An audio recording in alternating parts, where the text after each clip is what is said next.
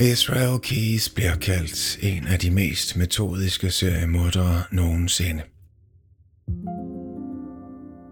Men efterforskerne har stadig ingen idé om, hvor mange forbrydelser Keys rent faktisk begik.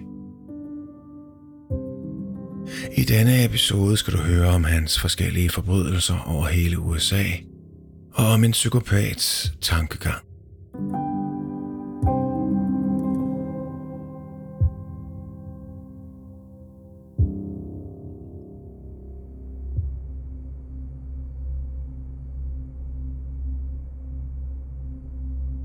Normalt, når vi taler om uopklarede mor, så tænker vi på forbryderen, den ukendte, den mistænkte, der stadig er derude et sted og stadig venter på, at retfærdigheden sker fyldest. Men nogle gange afdækker politiet en sag, som nærmest er for uhyggelig til at være sand. En sag, der får en til at undre sig over, om vi må nogensinde kommer til at kende det fulde omfang af historien. Det her er en af de sager, der vil forvirre og skræmme dig helt ind til benet.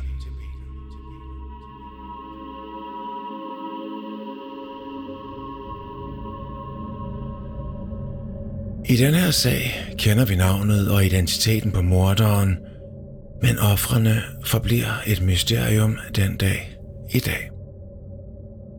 Det her er historien om Israel Keys.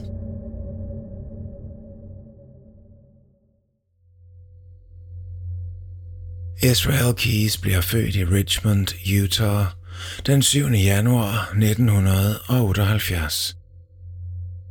Richmond er en lille by med omkring 2.000 indbyggere, og den er mest kendt for fabrikken Pepperidge Farm, som producerer små kiks formet som guldfisk. Området er også kendt for at være stærkt troende.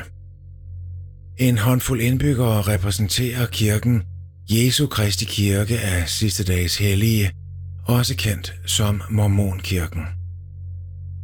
Et par scener i den klassiske amerikanske film Napoleon Dynamite blev endda filmet i Richmond, hvilket kun forstærker følelsen af, at det er en lille by.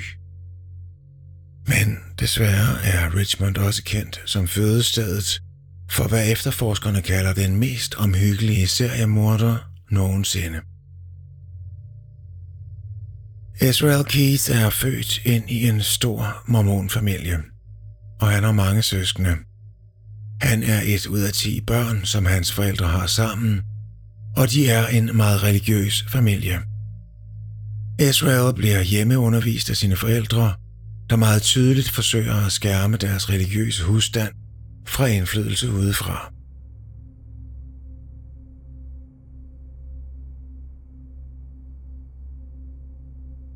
Hans opvækst tager en interessant drejning senere i hans ungdom. På et tidspunkt flytter Israel Keys og hans familie fra den lille by Richmond i Utah til et område lige nord for Colville i Washington. Washington er en ret stor stat, selvom det ofte er noget folk glemmer. Den vestlige del af staten stemmer meget godt overens med det Washington, du ser i filmene – Starbucks, flanelskjorter, konstant regn og træer. Men i den østlige del er det helt anderledes. Øst-Washington består af en hel masse små byer, hvor mange af dem ligger over 100 km fra hinanden. Øst-Washington minder meget mere om de nærliggende stater Idaho eller Montana, end det minder om det vestlige Washington. Så det er faktisk ikke den store omvæltning, da Keys-familien flytter til det østlige Washington. Der er ikke så stort et spring fra deres rødder i Utah, da det område, de flytter til lige nord for Colville, har samme fornemmelse af small town som Richmond.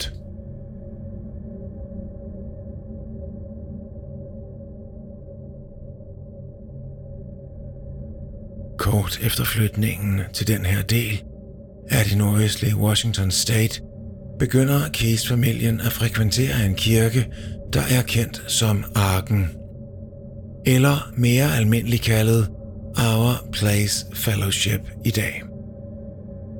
Arken er velkendt i hele området for deres racistiske standpunkter, der ikke kun er drevet af deres tro på et hvidt overherredømme, men også af deres stærke religiøse rødder i britisk israelisme. Arken er kun en af mange kristne grupper, der er opstået ud af det område. Mange af Arkens følgere, som nu er følgere af Our Place Fellowship, tror, at efterkommerne af angelsakserne og andre nordeuropæiske grupper er det sande Guds folk. Over årene har det tiltrukket mange antisemitter fra det omkringliggende område og ført til en del fjendtlighed mod folk af andre raser og med andre trosmønstre. Vi kan kun teoretisere over, hvordan det her standpunkt påvirker den unge Israel og er med til at forme hans tankegang, for vi ved faktisk ikke noget om præcis, hvor involveret Keyes-familien er i den her kirke. Men man må gå ud fra, at en opdragelse i en kultur, der fremelsker had mod andre etniciteter og ophøjer sig selv over andre, ikke kan være godt for et let påvirkeligt narcissistisk sind.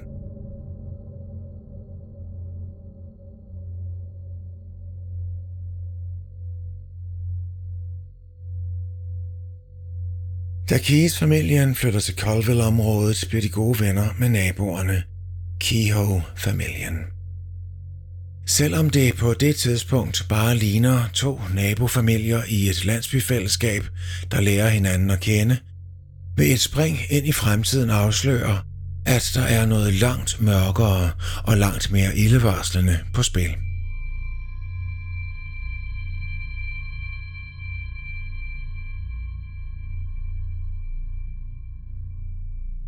Chevy Kehoe er fem år ældre end Israel eller deromkring. De to drenge vokser op sammen, og man kan tænke sig, at Israel ser op til Chevy. En simpel Wikipedia-søgning på Chevy Kehoe kan fortælle dig alt, hvad du har brug for, og mere til. Chevy vokser op til at blive en voldelig, hvid racist og seriekriminel. Chevy er dømt for kidnapning, tortur og mor, for bare at nævne nogle få af hans forbrydelser. Og lige nu sidder han inde på tre gange livstid i et statsligt højsikkerhedsfængsel i USA. Hans ofre er en våbenhandler, hans kone og deres otteårige datter, som alle blev kidnappet, tortureret og myrdet, for derefter at blive efterladt i en sump.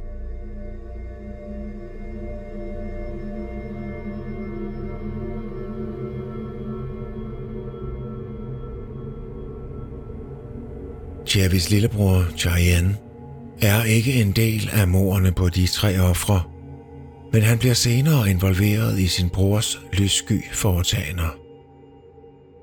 Cheyenne er mere på alder med Israel, og det er nok ikke helt forkert at antage, at de to er venner på et tidspunkt i deres liv.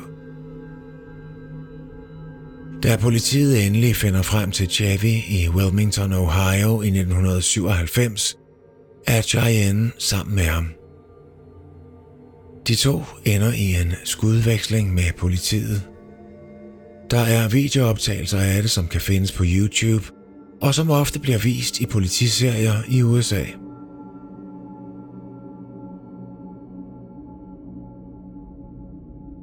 Chevy bliver idømt livstid i fængslet, uden nogen som helst mulighed for prøveløsladelse for sine afskyelige forbrydelser. Men hans tanker om vis overherredømme har ikke flyttet sig en millimeter. Han bliver også fundet skyldig i andre forbrydelser. Alt lige fra at bombe et rådhus i Spokane, Washington, til at bestille mordet på en romantisk rival. Det giver måske sig selv, men hans afskyelige omdømme er vist velfortjent. Hans lillebror Cheyenne og hans far Kirby bliver senere arresteret i Arizona, for ulovligt at anskaffe sig våben og ammunition til at udføre en eller anden form for etnocentrisk motiveret plan mod regeringen.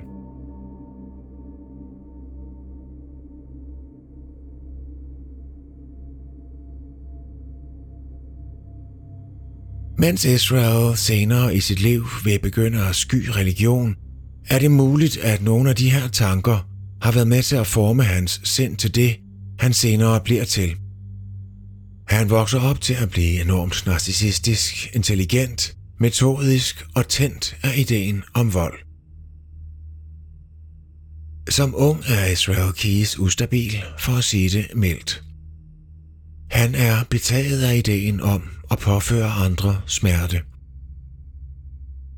Senere i livet indrømmer han, at han torturerede dyr for sjov, og at han havde en hel myriade af emotionelle og mentale problemer.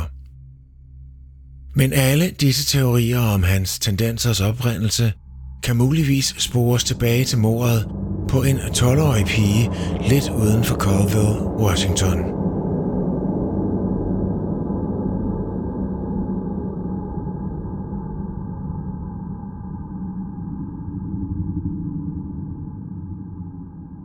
Julie Harris er en 12-årig pige. Hun har fået amputeret begge ben og har allerede vundet en medalje ved de paraolympiske lege. Hun bor i Colville, den lille by, som Keys-familien bor lige udenfor. På et tidspunkt i 1996 forsvinder Julie Harris. Ifølge hendes mors kæreste, der bor sammen med dem, tror mange, at hun er løbet væk hjemmefra. Men begge hendes benproteser bliver senere fundet i et flodleje. Det får efterforskningen til at ændre fokus fra at handle om forsvinding til nu at handle om mor. Selvom mange stadig primært mistænker hendes mors flygtige kæreste, kan den korte distance hen til Keys og hans underlige tendenser ikke overses. Det er nogenlunde samtidig, at Israel bliver en ung voksen og forlader Colville-området.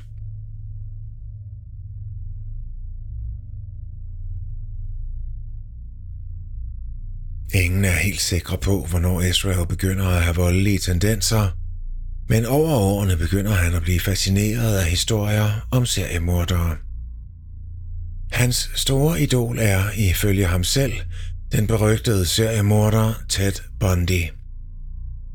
Israel beundrer Bundys ihærdighed med at slå ihjel, og hans trang til at påføre andre smerte. Ingen ved præcis, hvornår den her beundring starter, men det er uden tvivl med til at hjælpe Israel Keys med at skabe sin egen måde at begå forbrydelser på.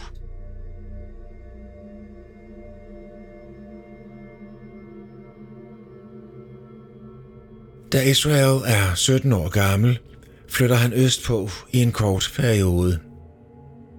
Man ved ikke, om han bor hos noget familie eller om han bor alene, men han indrømmer at bo i staten New York i et par måneder af 1997 eller deromkring. Senere flytter han længere nordpå til et stort stykke land, som han ejer lidt uden for byen Constable, New York. Man ved ikke hvornår eller hvordan han anskaffer sig jorden, men det bliver relevant lidt senere i historien. Da han er 18 år eller deromkring, flytter Israel igen. Denne her gang til en anden del af det nordvestlige USA. Han flytter til et område i nærheden af Morpin, Oregon, som er meget kendt for sine mange muligheder for udendørsaktiviteter. Morpin, Oregon ligger to timer øst for Portland – og har kun et par hundrede indbyggere. Ligesom alle de andre byer, som Kies ellers bor i, er det her en lille by i sin reneste form. Og det er her, mysteriet om Israel Keys begynder.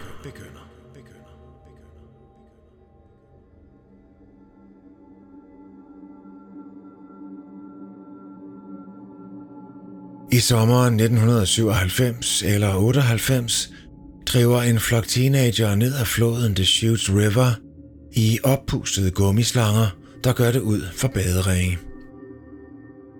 Temperaturen i området kan ofte nå op over 37 grader i sommermånederne, så det er nærmest en obligatorisk aktivitet for en gruppe teenager, der keder sig.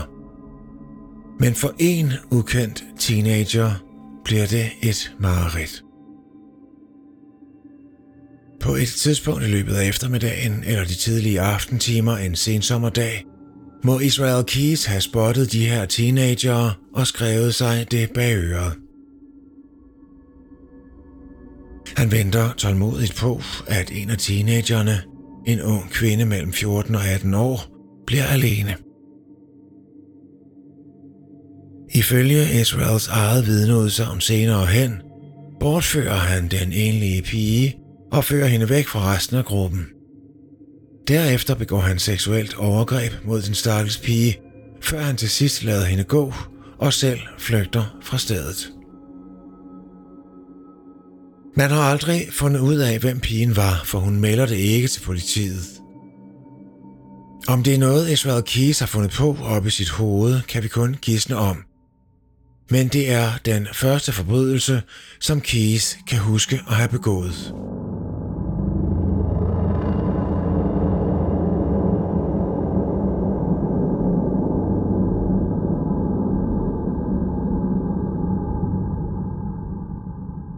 Efter at have boet i Oregon i en kort periode, beslutter Israel Keys sig til hæren.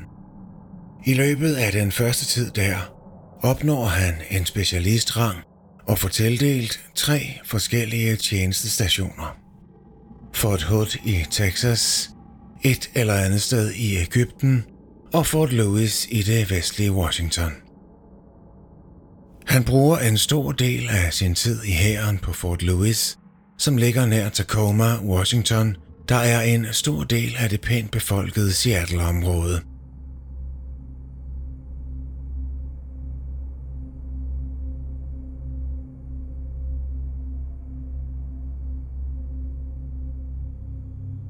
En af de ting, der gør Keys mærkbart anderledes, er, at han ikke ønsker det omdømme, som hans idol Ted Bundy fik.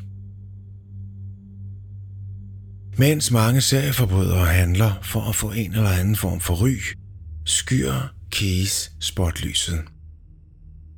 Han har ikke noget behov for at lægge navn til de forbrydelser, han senere kommer til at begå. Keys tilstår aldrig at have begået forbrydelser under sin tid i hæren. Han hævder, at han senere begår mange forbrydelser efter sin ærefulde afsked i 2001, men han indrømmer ikke en eneste forbrydelse, der skulle have fundet sted – under hans tid i hæren.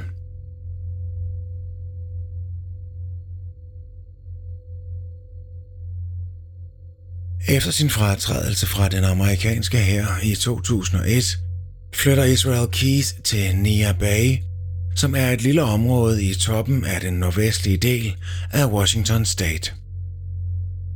Nia Bay er et lille fiskersamfund, der ligger lige på kanten af Washington State.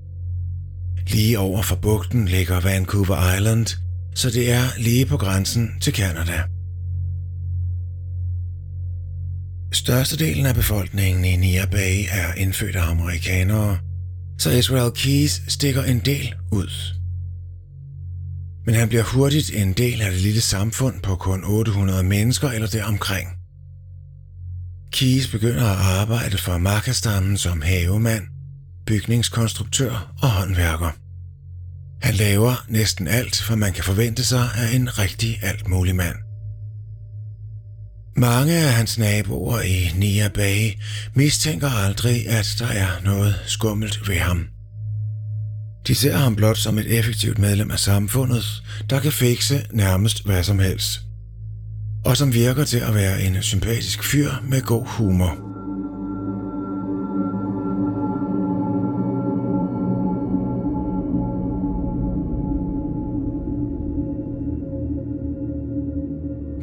Efter sin flytning til Nia Bay finder Israel en kæreste. Han finder sig til rette i det lille samfund, og snart får han også en datter.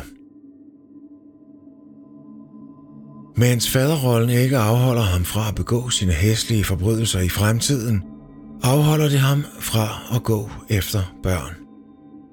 Senere forklarer han, at det er en del af hans kriminelle kodex, at han ikke går efter børn.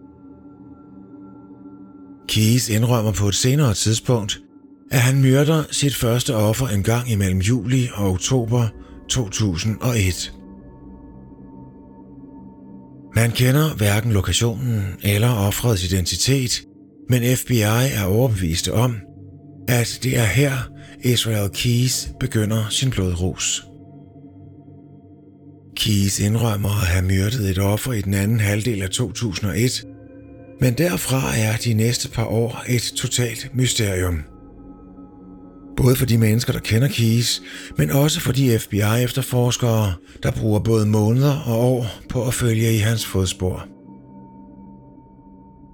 Det er i den tidsperiode, at Keys bliver til en seriemorder.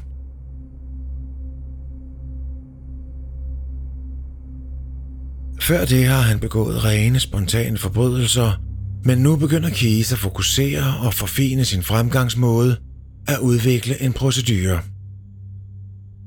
På et tidspunkt imellem 2001 og 2005 slår Keyes et par ihjel i Washington State, men han nægter at hoste op med detaljer om det.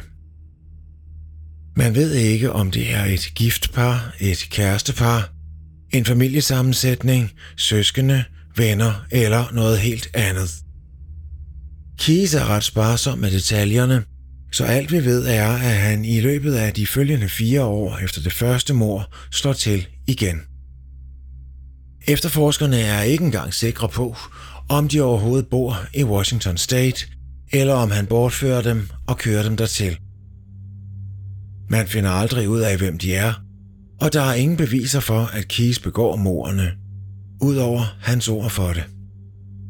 Under efterforskernes interviews med Keys hentyder han til, at parret ligger begravet i eller tæt på en dal. Efterforskerne formoder også, baseret på hans senere forbrydelser, at han bruger parrets bil til at køre et godt stykke væk fra gerningsstedet for at adskille de to lig.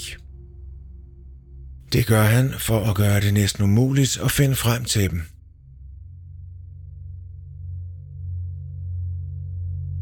Keyes indrømmer flere år senere, at han finder sine ofre ved at lade dem komme til ham. Han foretrækker at finde dem i offentlige parker, på lejrpladser og vandrestier. Steder, hvor folk helt naturligt og i al almindelighed kan risikere at forsvinde fra. Man ved ikke, om det her første par er nogen, han udvælger på forhånd, eller om de blot er et par uheldige friluftsentusiaster, der møder en uheldig skæbne. I 2005 og 2006 fortsætter Keys med at slå ihjel. Han begår to mor mere, der ikke har noget med hinanden at gøre. Igen ved man hverken, hvem offrene er, eller hvordan Keys udvælger dem. Han tilstår senere begge forbrydelser til efterforskerne, men han afslører ikke deres navne eller den mindste ledetråd til identiteten på nogen af offrene. Man ved heller ikke, hvor mange ofre han er oppe på i den her tidsperiode. Han indrømmer selv, at han holder af at slå til i sommer- og efterårsmånederne, når turistsæsonen i Washington State er på sit højeste. Keys tilstår, at han bruger sin egen båd til at bortskaffe de her ofre, men han fortæller kun, hvor et af ligene er blevet sendt til bunds, nemlig dybt under overfladen på Crescent Lake, lige ved grænsen til den sceniske Olympic National Park, og kun en time øst for sit hjem i Nia Bay. Han hentyder til, at ligene ligger på over flere hundrede fod under overfladen på søens allerdybeste steder, men den dag i dag er der stadig ikke fundet et eneste lig i Crescent Lake. Det er ikke til at vide, om Keys simpelthen opdægter de her historier. Men han er ikke den type kriminel, der kan lide, at offentligheden kender til hans ugerninger. Det er muligt, at Keys fabrikerer historierne for at få et vist omdømme. Men det er langt mere sandsynligt, at de her forbrydelser bare er toppen af isbjerget for ham. Han er kun lige gået i gang.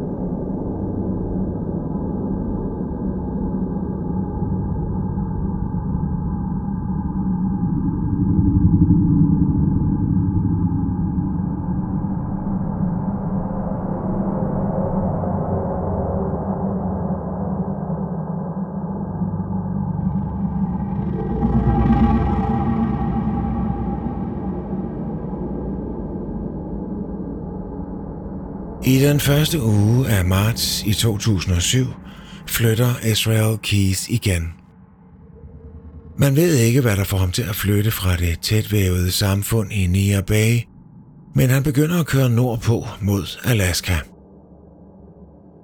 Undervejs gør han stop i flere byer langs den alaskansk-kanadiske hovedvej, Mest bemærkelsesværdige er hans ophold i byerne British Columbia og Yukon, men man kender ikke omfanget af de her stop. Man finder senere ud af, at Keys udnytter en hver mulighed til sin fordel, så måske rekognoserer han eller planlægger, mens han besøger byerne på sin vej. Til sidst, efter en uge, ankommer han til Anchorage den 9. marts. Israel Keys begynder at etablere sit nye hjem i den nordligste stat, Alaska. Han starter sin egen Anchorage-baserede virksomhed ved navn Keys Construction. Han bruger sine talenter som alt mulig mand til at fremstå som en helt normal mand over for sine nye naboer. I oktober og november 2008 rejser Keys fra Alaska for at besøge en håndfuld stater, inklusive North Dakota, Arizona og Washington. Man ved ikke, hvor han helt præcist tager hen eller hvad han laver. Man kender kun de allermindste detaljer, og de er meget få. Keys lejer en bil i Seattle den 31. oktober 2008, en PT Cruiser. Man kan kun gæste om, hvor han kører hen i den. Den 2. november, tre dage efter at han lejer en bil i Seattle, flyver Keys mod Boston fra SeaTac Lufthavn. Der bliver han i tre dage. Som du måske allerede har gættet, aner man ikke, hvad han foretager sig i det tidsrum, men det er nu, at hans planer bliver søsat.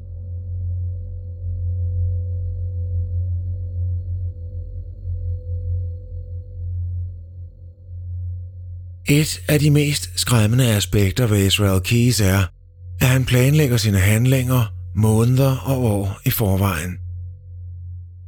Han udser sig et fremtidigt offer, fuldstændig tilfældigt, og planlægger at slå dem ihjel et helt år før, at han rent faktisk gør det. Det er meget sandsynligt, at han på den her rejse østpå begynder at eksperimentere med det, der senere bliver kendt som hans morsæt. De her sæt inkluderer våben, penge, værktøj og andre nødvendige forsyninger til at slå sine ofre ihjel og skaffe sig af med line. Keys begynder at grave de her morsæt ned over hele USA på tilsyneladende tilfældige lokationer tæt på fremtidige ofre. Han fører ikke logbog over, hvor de er. Han begraver dem på lokationen med kun sin hukommelse til hjælp, når han senere skal finde og bruge dem i en forbrydelse. Den 5. november, tre dage efter at være ankommet til Boston uden noget åbenlyst motiv eller formål, tager han tilbage til Seattle og derefter til Anchorage. Det er meget muligt, at han bruger turen til at planlægge fremtidig mor flere år på forhånd, og bruger ferien på at begrave et morsæt eller to. Israel Keith er nu i 30'erne, han er single, og er begyndt at skubbe religionen totalt ud af sit liv. Keith er nu praktiserende ateist, han forlader sin religiøse opvækst og betræder nu sin egen mørke og filosofiske vej. Og ligesom sit idol Ted Bundy har Keys et alkoholmisbrug, og han begynder også at gå til prostituerede. På trods af sine narcissistiske tendenser er Keys en mand med mange fejl. På overfladen er han en morsom og kærlig far, der arbejder hårdt for føden. En mand, der engang var i den amerikanske hær, og som elsker at rejse jorden rundt. Han kommer endda fra en stor religiøs familie. Men under overfladen er han en knækket mand, der er afskærmet fra alle, bortset fra sig selv og sine ofre. Han er en mand, der ikke tror på højere magter. En mand, der har et alkoholmisbrug og misbrug af kvinder, som han meget sandsynligt ser ned på. En mand, som nyder at påføre andre mennesker smerte. Det er den her del af ham, som han ikke vil, at andre kender til. Han så selv, hvad der skete for hans idol Ted Bundy, og den grænsning hans liv undergik under mediernes altseende mikroskop. Keyes begynder at forestille sig en verden, hvor han påfører så mange som muligt så meget smerte som muligt for sit eget velbehags skyld. Og han planlægger ikke at møde konsekvenserne for sine handlinger. Han drømmer om at tage fra den her verden i en episk skudveksling med politiet, men han ønsker ikke, at hans nulevende familie skal kende til hans forbrydelser.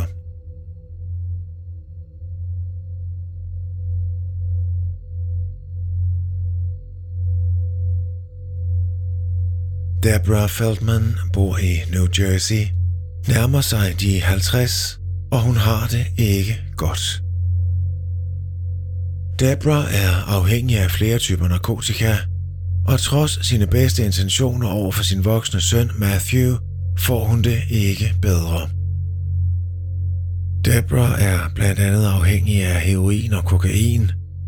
Hun mister forældremyndigheden over sit eneste barn Matthew, da han er teenager, og derfra går det kun nedad for hende. Hun mister forbindelsen til alle i sit liv, bortset fra sin voksne søn.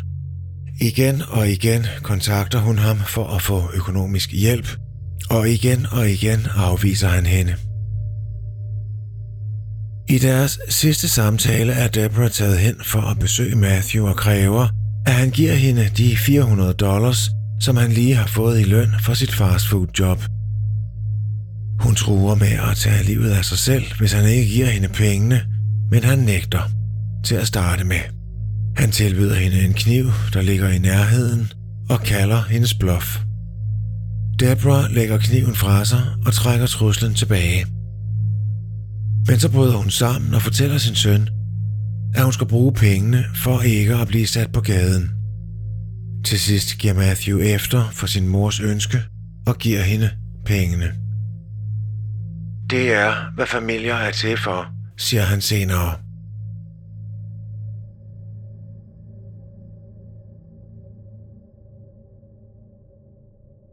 Deborah Feldman forsvinder et par dage efter. Alle, der kender hende, ved, at hun har et seriøst problem med stoffer og alkohol, og selv hendes egen familie ville ikke være overrasket, hvis hun havde arbejdet som prostitueret om natten, før hun forsvandt. Selv den dag i dag ved man ikke, hvad der skete med hende, men hendes søn har ikke glemt sin forsvundne mor.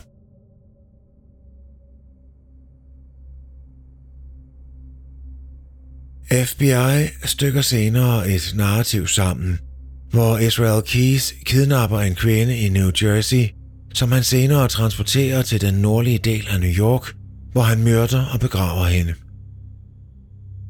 De tror ikke, at hun er begravet på hans grund nær Constable, men sandsynligheden for, at hun er begravet i nærheden, er stor.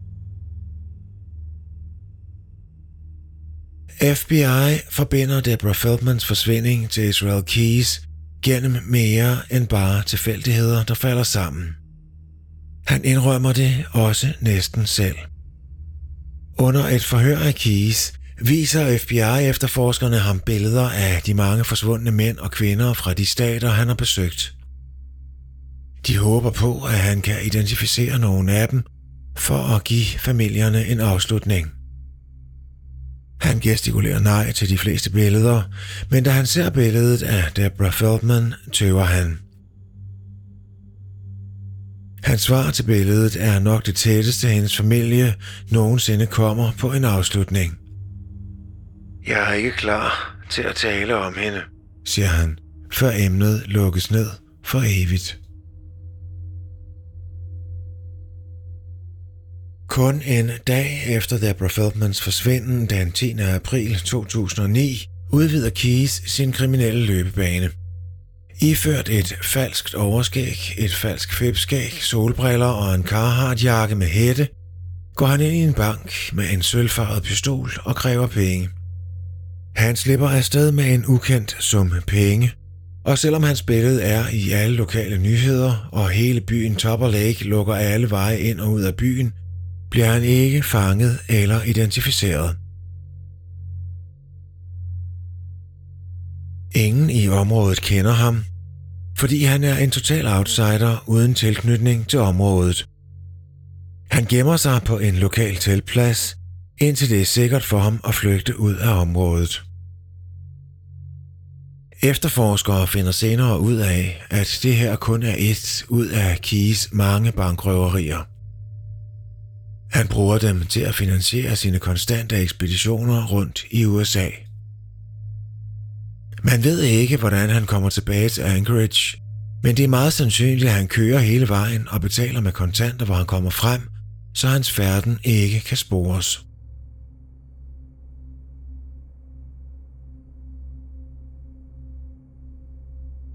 Der går et år, og Israel Keys viser ingen tegn på at sætte farten ned. Den 9. juli 2010 flyver han fra Anchorage til Sacramento i Kalifornien. Derfra tager han fra Sacramento til Auburn i Kalifornien, hvor han leger en bil, en sort Ford Focus. Han kører næsten 450 km i den over de næste par dage. Man kan kun gætte på, hvad han laver i Kalifornien, men det er meget sandsynligt, at han begraver endnu et af sine morsæt eller måske endda begår en forbrydelse i dagenes løb. I april eller maj 2011 besøger Keys en park i nærheden af sit hjem i Anchorage. Han har en riffel med og en intention om at skyde et par, som han har set på parkens parkeringsplads. Da en politibetjent dukker op på parkeringspladsen, vender Keys i stedet sin opmærksomhed imod betjenten – den eneste grund til, at han ikke skyder, er, at der dukker endnu en betjent op. Et par uger senere er Kis på jagt efter nogen at kidnappe ved begyndelsen af en vandresti i nærheden. Han begraver endda et improviseret morsæt med flere flasker med afløbsrens af mærket Drano og en skål, som han vil bruge til at skaffe sig af med sit potentielle offers lig. Han fejler ved begge lejligheder – men hans mest velkendte afskyeligheder er endnu ikke sket.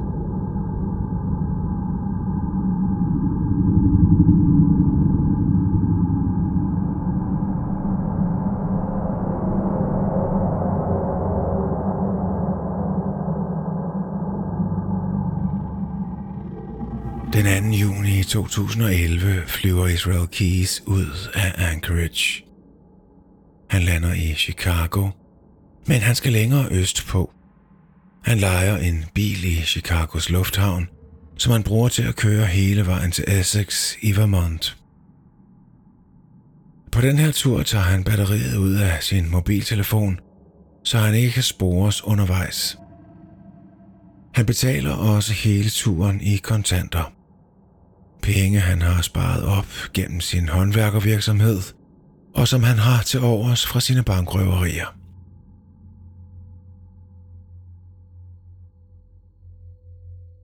Flere år tidligere, på en af sine mange ture østpå, begravede Keys et af sine morsæt i skoven uden for et hus. Huset tilhører Bill og Lorraine Courier, et ældre ægtepar, som er elsket af alle, der kender dem. Bill og Lorraine har boet i området i mange år, og har begge to besiddet deres respektive jobs i mere end 20 år. så da de ikke dukker op på arbejde den næste dag, begynder alarmklokkerne øjeblikkeligt at ringe.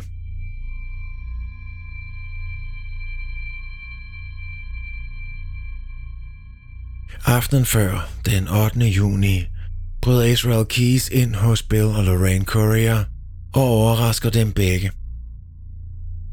Han binder dem og bortfører dem ved hjælp af deres egen bil. Han kører det skræmte ægtepar hen til et nærliggende forladt hus, hvor han fører Bill ned i kælderen. Lorraine bliver ovenpå, hvor han begynder at udsætte hende for et seksuelt overgreb, udelukkende for, at det skal gøre ondt. Bill begynder at kæmpe imod nedenunder. Den hengivende mand forsøger at gøre sig fri for at redde sin kone. Men desværre er Keys forberedt. I det morsæt, han begravede flere år før, har han et skydevåben, som han bruger til at slå Bill Courier ihjel.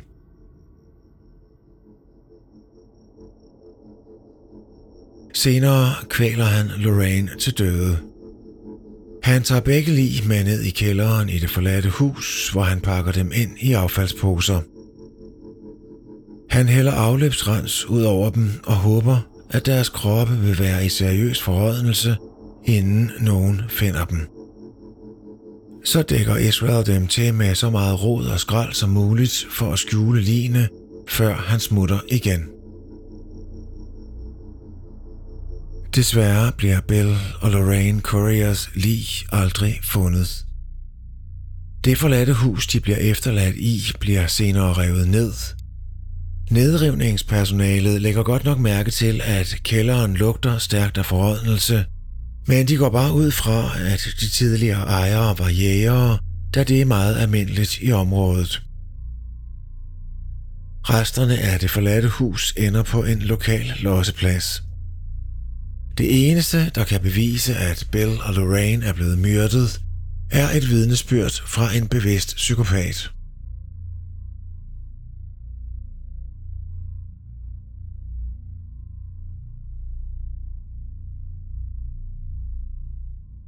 I ugen efter mordet på Bill og Lorraine Courier rejser Israel Keys langs østkysten, før han vender tilbage til Chicago.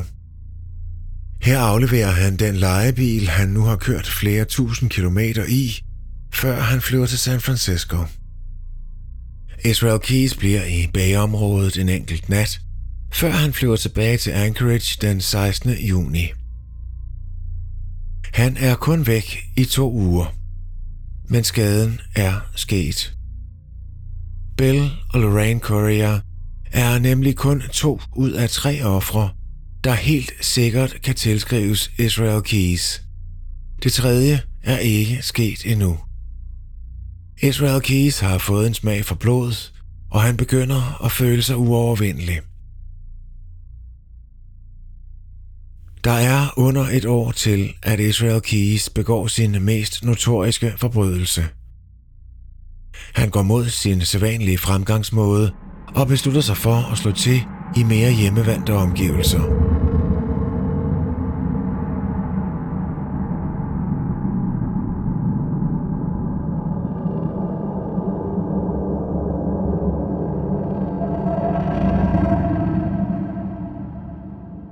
Samantha Koenig er en smuk 18-årig kvinde med resten af livet foran sig. Hun arbejder i en lokal kaffebod som barista. Den her specifikke aften har hun lukkevagten. Overvågningsvideoer viser, at hun er meget pligtopfyldende og passer sit job til punkt og prikke. Hun gør rent og rydder op, da det er ret sløvt med kunder den her onsdag aften den 1. februar.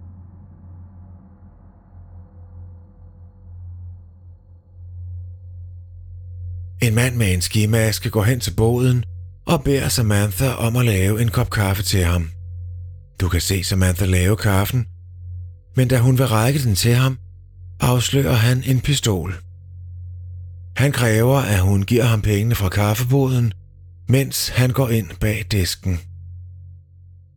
Han binder hendes hænder med strips og begynder at lede hende væk fra kaffeboden.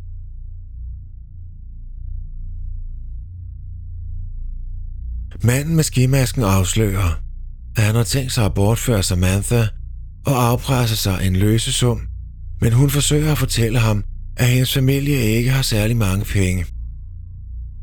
Den maskerede mand siger, at han regner med, at samfundet vil gå sammen om at skaffe penge til at få hende tilbage i live.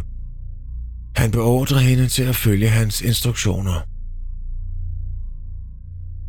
På vej hen til hans truck, som holder i nærheden, forsøger Samantha at stikke af. Men Keys når desværre at indhente og takle hende. Han holder en pistol imod hendes hoved og truer med at slå hende ihjel med sin lydløse ammunition, hvis hun prøver bare en gang til.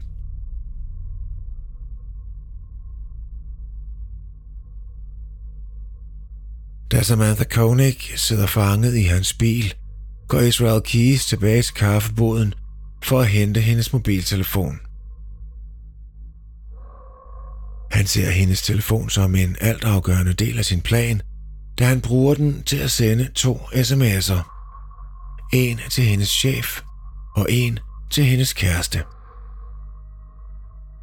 I sms'en står, at Samantha har haft en dårlig dag på arbejde og har brug for at komme lidt væk et par dage. Han tager telefonen med sig, men fjerner batteriet, så politiet ikke kan spore ham igennem den. Selvom han højst sandsynligt har masser af penge, forlanger Keys, at Samantha Koenig giver ham sit kreditkort. Hun fortæller ham, at det er i den bil, som hun deler med sin kæreste. Keys kører Koenig hjem til sig og låser hende inde i et skur udenfor. Han skruer helt op for radioen inde i skuret, så eventuelle naboer ikke kan høre hende skrige.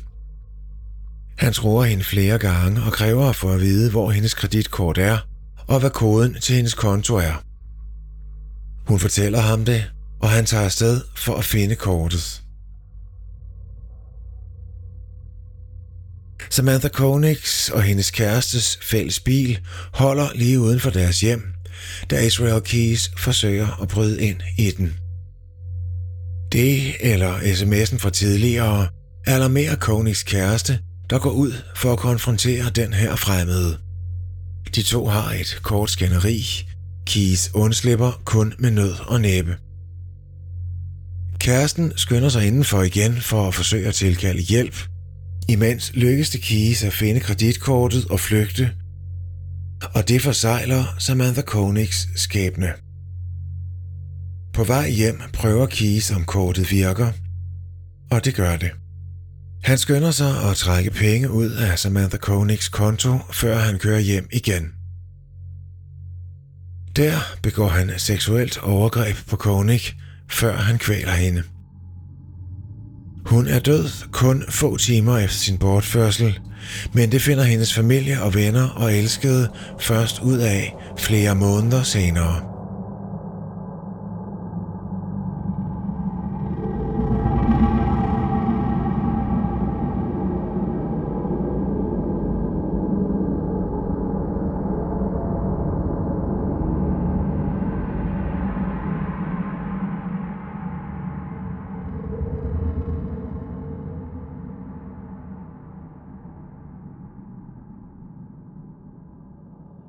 Allerede tidligt næste morgen, den 2. februar, tager Israel Keys afsted mod New Orleans. Han efterlader Samantha Koenig i sit skur. Han er sikker på, at der ikke kommer nogen forbi, mens han er væk. Keys har forhåndsbooket et krydstogt med afgang fra New Orleans. På den måde slipper han ud af USA de næste par uger. Det er åbenbart en normal ting for ham, da han ofte tager på små ferier for at bruge sine morofres penge, men også for at slippe væk fra søgelyset for en periode. Mens han er afsted, begynder Koenig-familien og Samanthas andre nære at blive desperate efter nyt om hende. De har ikke hørt noget siden de to sms'er og indbruddet i hendes bil, hvor hendes kreditkort blev stjålet. De ved ingenting, og det fortsætter indtil den 17. februar. Den 17. februar får Samantha Konigs kæreste en sms fra hendes telefon. Der står, at der er en seddel med information om løsesummen i den nærliggende park. Under en flyer vedrørende en forsvunden hund, finder Anchorage politi en note om løsesummen. Den kræver 30.000 dollars mod at Koenig blev sluppet fri i god behold. På den anden side af sedlen er der et billede af Koenig, der er taget en dag eller to inden. Hun er anbragt, så det ser ud som om hun stadigvæk er i live. Israel Keys har syet hendes øjenlåg fast, så hendes øjne er åbne, og det ser ud som om hun er i live. Han har placeret en fire dage gammel avis under hendes arm, så hun synes livlig. Overbevist om, at hans datter stadig er i live, begynder James Koenig at trylle lokalsamfundet om at samle penge ind til at redde hans lille pige. De lokale gør et stort stykke arbejde for at få Samantha, en af deres egne, tilbage. Pengene begynder at rulle ind på Samanthas bankkonto, som Keys stadig har adgang til. Desværre har Koenig allerede været død i snart to uger, og Keys er klar til at skille sig af med beviset.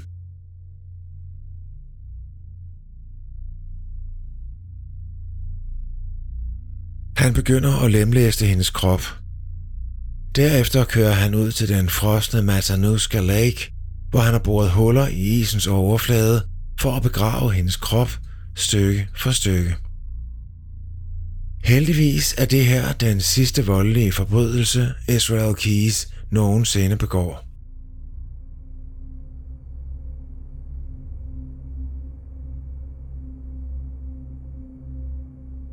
Politiet begynder at spore transaktionerne på Samantha Koenigs bankkonto til hæveautomater i Anchorage, Arizona, Texas og New Mexico.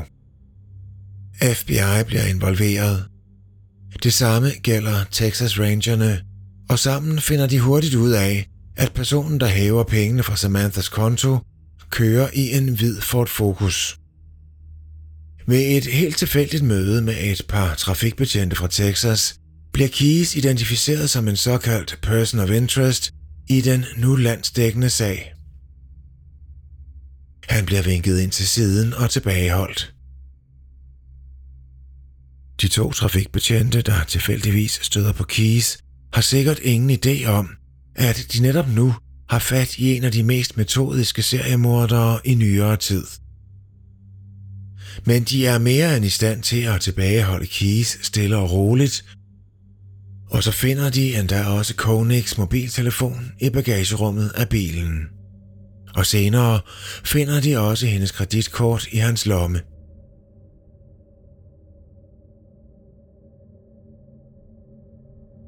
Det lykkes politiet at finde Samantha Koenigs tilfældige morder, men de har ingen idé om, hvilket indviklet og mystisk net de netop er ved at vikle sig ind i. Israel Keys er endelig bag træmmer. Senere indrømmer han over for de statslige efterforskere, at han står bag Bill og Lorraine Couriers mystiske forsvinden, det par, som til synlædende forsvandt fra jordens overflade omkring et år tidligere. Han tilstår mange flere forbrydelser, mens han sidder bag træmmer, blandt andet brandstiftelse i et hus i Texas den 16. februar, bare dagen før han tog tilbage til Anchorage for at kræve en løsesum for Samantha Koenig.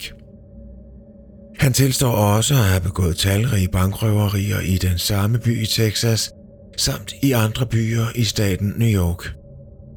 Bankrøverier, hvor han aldrig har været mistænkt før nu.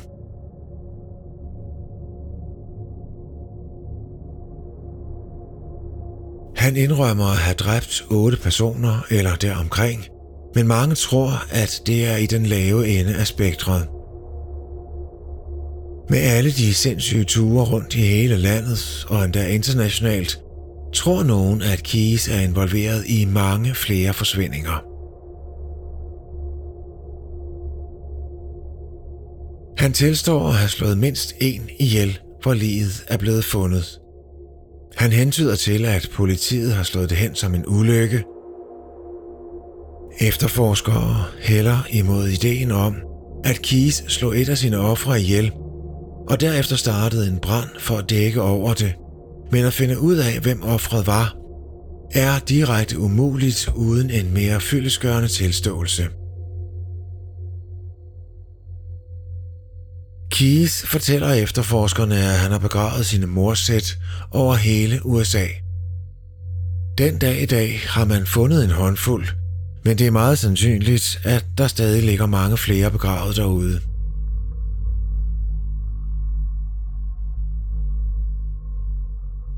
Desværre er de statslige efterforskere ikke meget klogere efter flere måneders forhør og interviews af Keys.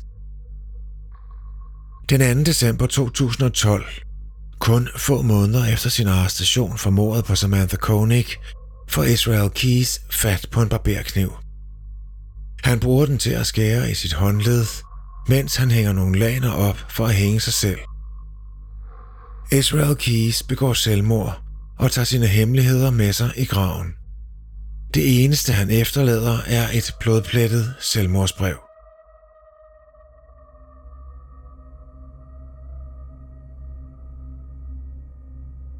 Man kender ikke til alle Israel Keys forbrydelser. Han tog kujonagtigt sit eget liv og tog sine hemmeligheder med sig i graven. Desværre blev et sind så skarpt og metodisk som hans brugt til noget så ondt, at man nok aldrig vil kunne samle brækkerne til det puslespil, han efterlod efterforskerne med. Kort efter hans død udsender FBI en bøn til offentligheden. De tryller alle med bare den mindste information om at træde frem og hjælpe dem med at udfylde hullerne i deres viden. De frigiver en håndfuld af succesfulde interviews med Keys. De består mest af alt af Keys, der diskuterer med efterforskerne og trækker tiden ud. Keys nægtede at afgive særlig mange informationer om sine forbrydelser, så selv ikke FBI kender hans ofres sande skæbne. De aner ikke engang, hvem hans ofre er.